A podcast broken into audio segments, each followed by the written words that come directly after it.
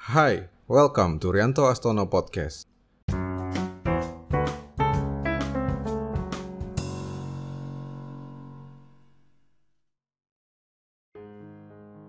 Aturan pertama untuk mencapai goal yang kamu miliki adalah dengan tidak memberitahukannya kepada siapa pun. Aturan kedua, jika kamu lupa, ingat lagi aturan pertama. Ide podcast kali ini lagi-lagi datang dari percakapan dengan anak saya Zeus, 9 tahun, yang suka menggambar, yang ingin menjadi seorang animator. Suatu sore, saat berjalan keliling komplek, ia bercerita akan membuat sebuah proyek animasi yang sudah ia rencanakan dengan begitu baik – itu sebetulnya hanyalah percakapan biasa dari seorang anak kepada ayahnya. Tapi respon pertama yang saya berikan kepadanya adalah, Zeus, jangan pernah memberitahu goalmu apabila kamu sama sekali belum mulai mengerjakannya, atau kamu akan lebih sulit untuk mencapainya. Oke, sekarang pertanyaannya, kenapa bisa begitu? Apa masalahnya? Masalahnya ada pada perasaan semu yang timbul sesaat setelah itu diucapkan. Ketika kita menceritakan goal yang kita miliki kepada orang lain, kita akan mendapatkan perasaan yang menyenangkan, seolah kita telah mencapai setengah dari goal tersebut, padahal kita belum melakukan apa-apa.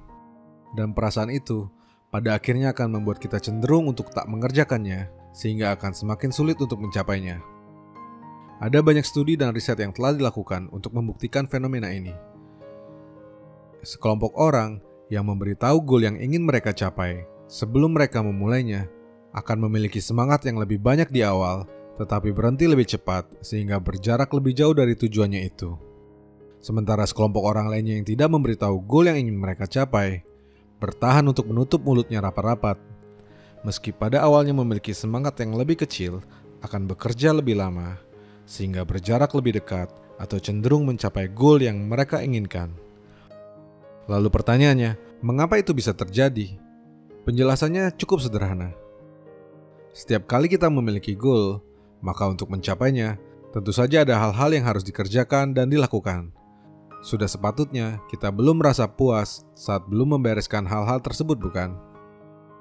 Namun saat kita memberitahukan goal tersebut kepada orang lain, secara ajaib, otak akan mengelabui perasaan kita, membuat kita merasa telah melakukan berbagai hal padahal kita belum melakukan apa pun. Dan efek yang semu itu akan bertambah buruk lagi saat kita menceritakan goal kita kepada orang-orang yang sangat mendukungnya atau yang langsung memuji betapa keren dan hebat gol tersebut.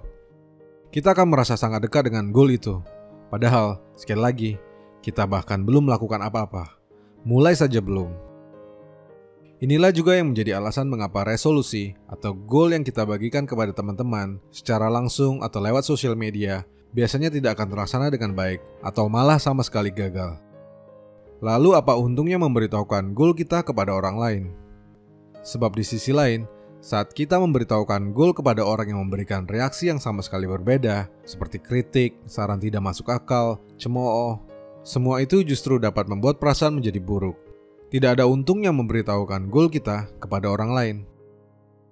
Namun demikian, itu bukan berarti kita sama sekali tak boleh berbagi dengan orang-orang tercinta tentang goal yang kita miliki. Kembali ke jalan sore saya bersama Zeus. Saya memberitahunya jika ia selalu boleh bercerita saat sudah menyelesaikan bagian-bagian yang ada di dalam goalnya.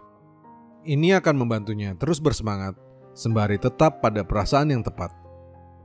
Maka aturan pertama untuk mencapai goal dan ambisi pribadimu adalah dengan tidak menceritakannya kepada orang lain sebelum mengerjakannya. Dan ini juga berlaku sebaliknya. Saat menghadapi teman-teman, orang tercinta, orang terdekat, bahkan anak-anak kita sendiri, barangkali kita perlu berlatih untuk menahan diri dengan tidak memberikan dukungan atau pujian berlebihan untuk sesuatu yang baru jadi angan-angan dan yang sama sekali belum mulai mereka kerjakan. Sebab jangan-jangan apa yang kita pikir baik justru selama ini berkontribusi untuk menimbulkan perasaan semu yang sangat buruk yang membuat mereka gagal mencapai goalnya. Sebab yang ingin kita capai itu sederhana. Yang hampir jadi itu berarti belum jadi, yang hampir selesai itu berarti tidak selesai. Dan memang benarlah kata pepatah, jika itu berurusan dengan goal dan untuk mencapai goal yang kita inginkan, maka diam itu emas. Semoga bermanfaat.